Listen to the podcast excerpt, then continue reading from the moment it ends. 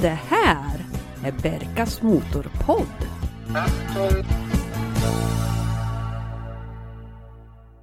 Hej och välkomna till Berkas Motorpodd.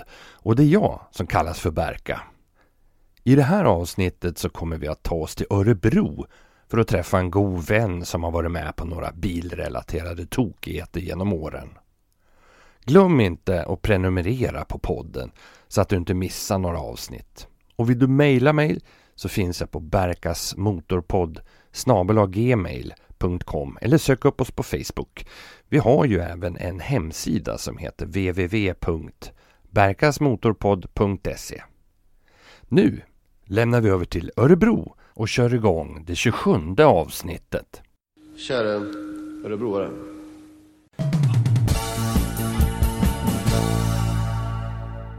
Ja, tack för det. Vi befinner oss ju faktiskt just nu i staden Örebro där vi helt spontant har träffat ett ögonvittne till en episod som vi tog upp i avsnittet om den saffransfärgade Volvo V70 RAVD.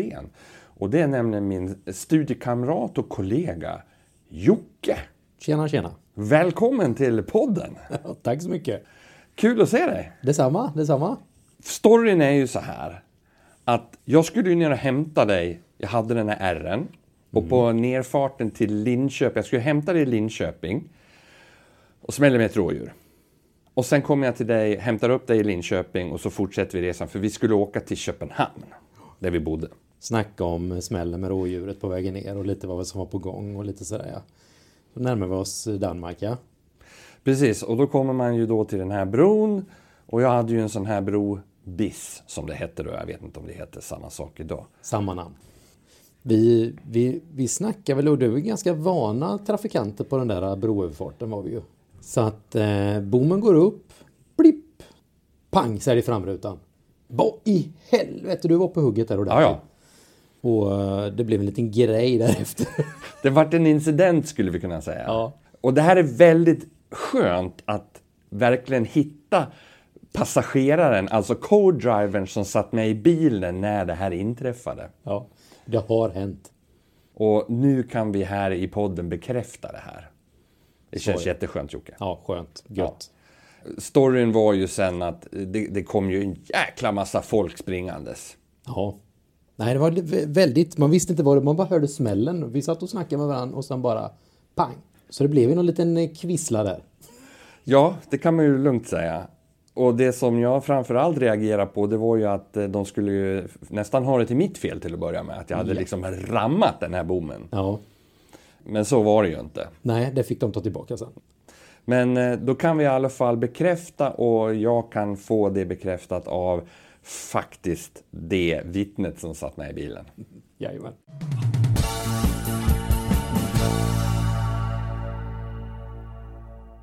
Telefonen på jobbet ringde en vårdag 2014 och det var en gammal kollega till min pappa som frågade om jag var intresserad av att köpa hans bil. Han hade beställt en ny och firman de ville inte byta in hans nuvarande kärra. Du får den billigt, sa han, så kan du ha den att köra med på isen eller någonting. Allt funkar och den är besiktad och skattad. Priset det var verkligen helt okej så jag slog till, osett. Jag skulle åka ner till Stockholm och hämta en svart metallic BMW 320 CI Coupé från 2000. Det är något speciellt med enägarbilar. Även om den här BMWn ändå snart hade gått 20 000 mil. Man vet att varje service och varje tankning är utförd av en och samma person inom samma familj med största säkerhet. En enägarbil har också på något sätt ett lugn över sig. Den har varit liksom som en eh, familjemedlem. Skicket var okej för att stått ute på en parkering i 14 år och körts i Stockholmstrafiken där repor och dörruppslag tillhör vardagen. Saltade infartsleder hade satt några spår i skärmkanter och dörrar men inuti så var den som ny. fräsch ljusklädsel och nybilskänsla i knappar och reglage. Självklart med en klimatanläggning som fungerade och elhissar som lydde minsta önskan om öppning eller stängning. Jag har en fäbless för bilar som har elhisskontrollerna placerade i mittkonsolen och inte i dörrarna där det kanske är mest intuitivt att ha dem. Jag tycker att det tyder på ett vågat tänk, att gå lite utanför boxen. En utmaning till föraren att tänka om.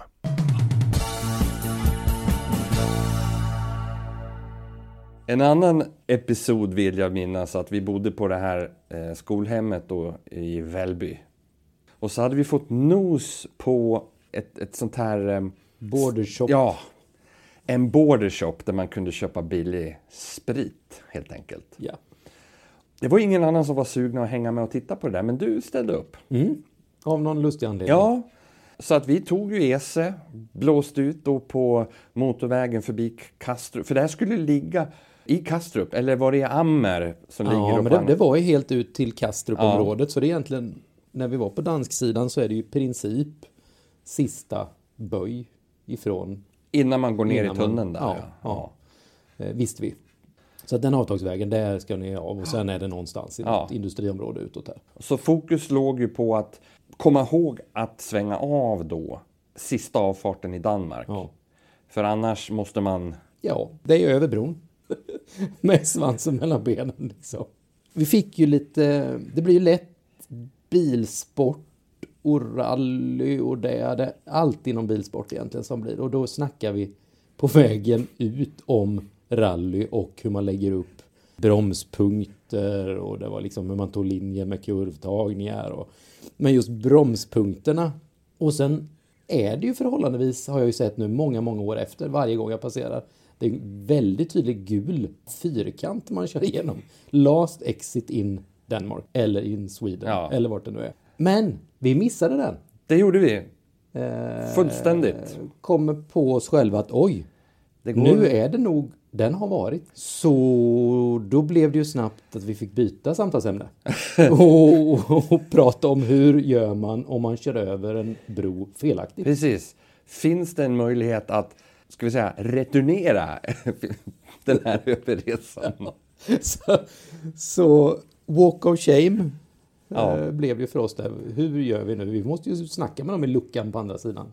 Och då ska vi väl säga att det här är ju kanske möjligtvis några veckor efter vi hade kört av bommen. I den här bilen. Ja, och på väg åt andra hållet. På som väg åt andra hållet. Som vi snart också nu är på väg tillbaka Ja. åt. Och då visade det sig att man hade en viss ångerrätt Ja, för en ringa summa pengar. Ja. Och så hade man en kvart på sig. Att åka bort till första avfarten där man kunde vända då på, vad blir det nu, E- E6an. ja, Och så vända runt och så tillbaks igen och så genom bommarna en gång till. ja. Och jag, vi, vad jag för mig så fick vi en liten special, ett specialpris. Vi fick eh, Ja. resa över för halva priset. Ja, ja, precis. Som då var på 375 spänn eller någonting Ja. sånt där. Ja. Så kort tid har nog aldrig vistats på ena sidan. I ett land. Och sen åkt tillbaks igen. Mm. Nej. Det glömmer man ju aldrig. Och det kommer nog kanske inte att hända igen. Men vi hittade i alla fall till det här stället. Den här bordershopen hittade vi. Och lyckliga blir vi. I min värld så är det få kupégenerationer som slår BMWs E46. Den är elegant och sportig på samma gång och med den svepande taklinjen och det korta överhänget fram. Långa karmlösa dörrar och en snygg velodromformad instrumentpanel möter föraren. Den är helt på par tycker jag med Volvos C70 Coupé. Som hade den bara varit bakhjulsdriven som BMWn sa. Ja, önskedrömmar. Bilen hade en 2 liters rak sexa på 170 hästar och gången var silkeslen. Ingen månraket på något vis, men ändå en trevlig liten maskin med ett fint bottenvrid. På full tapp så ville den gärna dra iväg och BMW-ylet ökade. Men tyvärr orkade inte effekten möta upp mot efterfrågan från gaspedalen. Vi kan väl lyssna lite på en 2 liters BMW 6 här.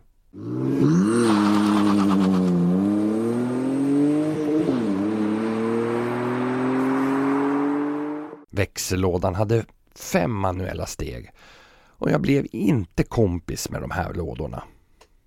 Det finns någonting odefinierbart i känslan i spaken som inte förmedlar det här jag vill åt. Slagen är långa och inte lika distinkta som till exempel i en Audi eller en Porsche.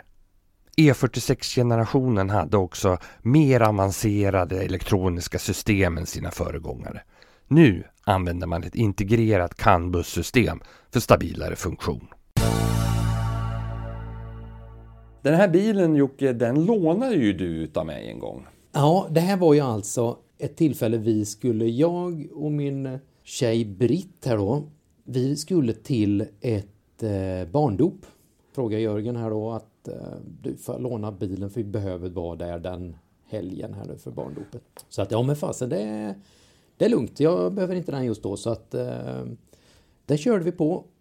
Och så var det, jag kommer inte ihåg det var, jag tror det var någon Garmin eh, GPS installerad. Någon utav de här första portabla Street Pilot 2 eller vad de hette. Yes. Klick, klick, klick, klick, klick, blupp. Och sen, och sen kom man till någonting och det var ju en ort, jag visste, kyrkan visste jag inte riktigt exakt. Men det låg strax söder om Köpenhamn. Så jag blippar in där, jag och Britt på väg och vi är lite småsena. Men börjar köra då efter den här GPSen. Kör iväg, ja, blir lite misstänksam efter tre fyra böj. Nej, nu kör vi norröver. Och då har det gått kanske ändå en tio minuter och vi Mm. hade ganska tajt schema. Så att, eh, nej men det är fel. Och så blipp, blipp, blipp, blipp.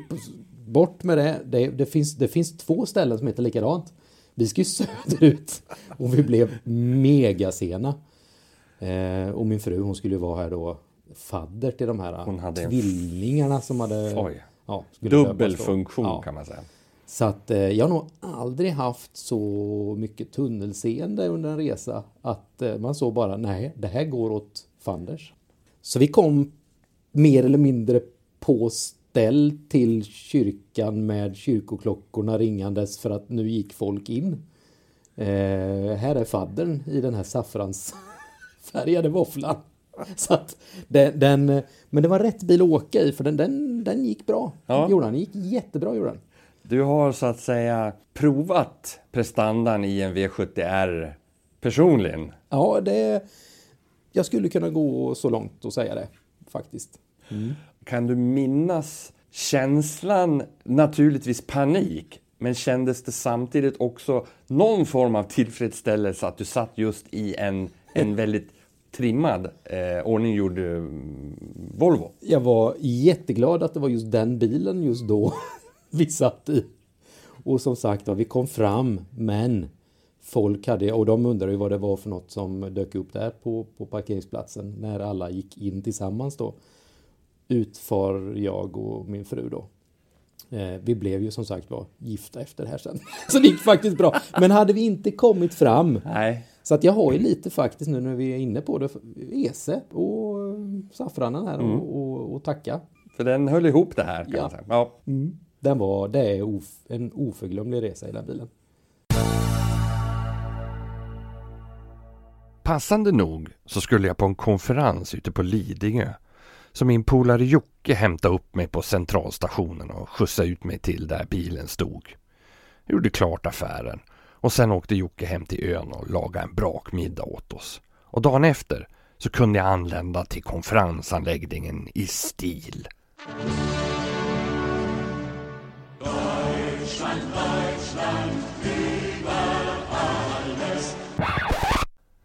Tyckte i alla fall jag. Jag är ytterst tvek på att någon annan ens la märke till den svarta, något ansatta kupén från München. Totalt så blev det bara 45 mil med den. För det var trots allt en väl fungerande bil. Vinter och iskörning hade gått och blivit april och slask. Och en vanlig bruksbil hade jag redan i en grön XC70. Så att det blev till att lägga ut den för försäljning. Det var en lättsåld bil. Och såklart till en ung kille som just hade tagit körkort. En quick flip 2014 med en slant på plus. Bilen rullar faktiskt än idag men är reggad som ombyggd bil. Det är alltså en eh, A-traktor.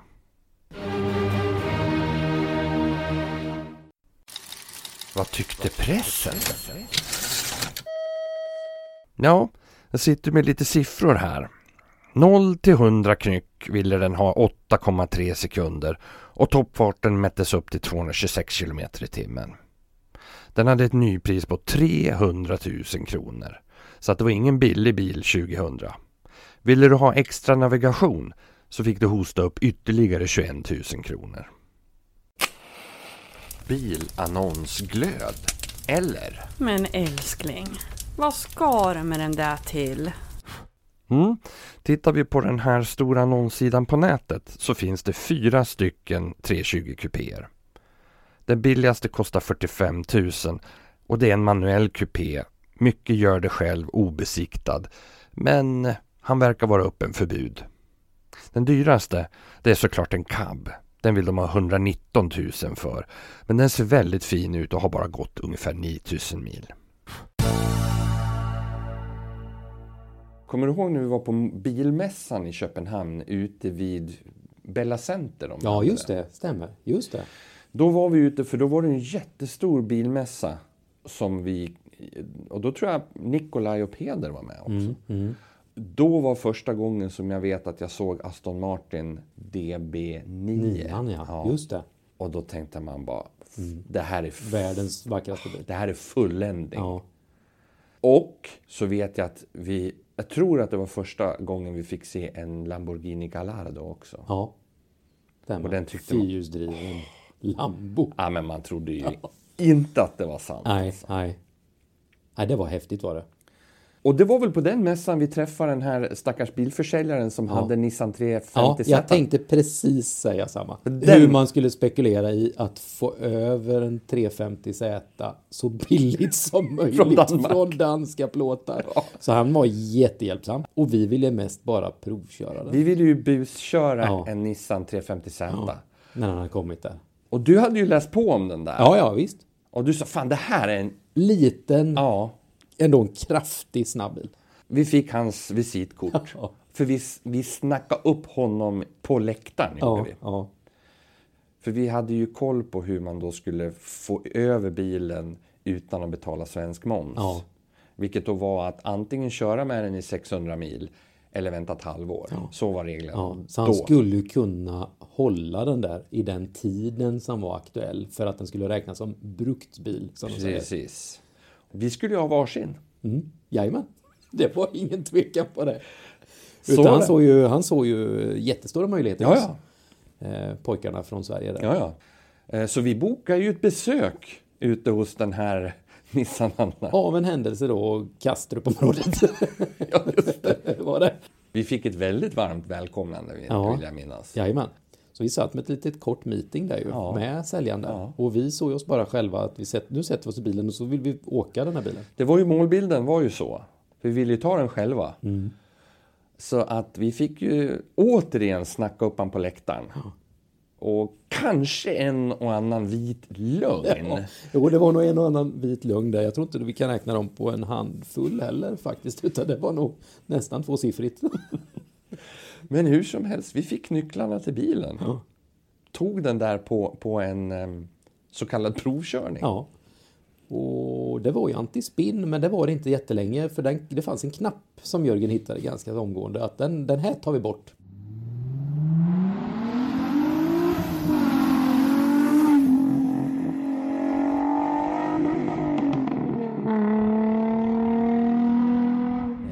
Man måste ju testa bilens fulla potential. Man kan ju inte ha en massa stryps... Va? Digitala. Nej. Bromsningar. Eh, så att jag vill minnas att det blev en, en ganska så djupgående och noggrann provkörning av den här 350. Mm. Vi var ute vet jag och luktade lite grann om det luktade illa.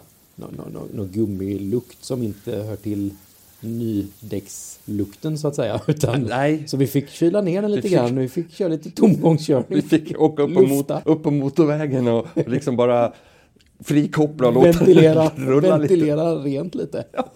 Och så kom vi tillbaka och ja men Ja. eh, bra, bra tur. Det var, Då vet vi hur den här verkar funka. Eh, Och, och vi var, hade ju nästan, han hade, stod ju nästan med kontrakterna där. Ja, han var nog mer eller mindre redo. Och, Och det vill jag minnas, det var, då fick vi lite dåligt samvete. Ja. Då var det lite jobbigt Ja. därför att Vi var tvungna då naturligtvis åka hem och bara lösa eh, ut pengarna. Ja. Och som tur var så hade han ju bara ditt telefonnummer. ja. Stämmer. Vi hade inte delat så mycket information. Ditt danska nummer Ja, hade han. ja. så var det. Det var det också. Ja. Ja. Stämmer. Hörde han av sig någon Ja, gång? det ringde nog något nummer där, men jag var lite tvekis så att eh, jag var väldigt... Eh, jag svarade sparsamt några veckor där eh, på samtal. Bara samtal jag kände igen. Han fick inte sälja några bilar. Det blev ingen affär. Nej. Men vi var lyckliga. Vi var lyckliga. Och, och jag menar så här i efterhand. Vi skulle kunna kosta på oss en liten ursäkt. Ja. Men vi vet hur man importerar en bil ifrån Danmark. Tuborg på plastik, inge klinke klanke. Det var allt vi hade att bjuda för idag. Stort tack för att du har lyssnat. Och jag vill även tacka Jocke från Västervik för kul medverkan och vittnesmål. Och tack till Peter i Kungsbacka för den otroligt fina planschen på en Volvo 242 GT jag fått. Den sitter kanon på väggen här i poddstudion. Och glöm inte att kika in på hemsidan. Om två veckor så hörs vi igen. Tills dess, kör så du trivs!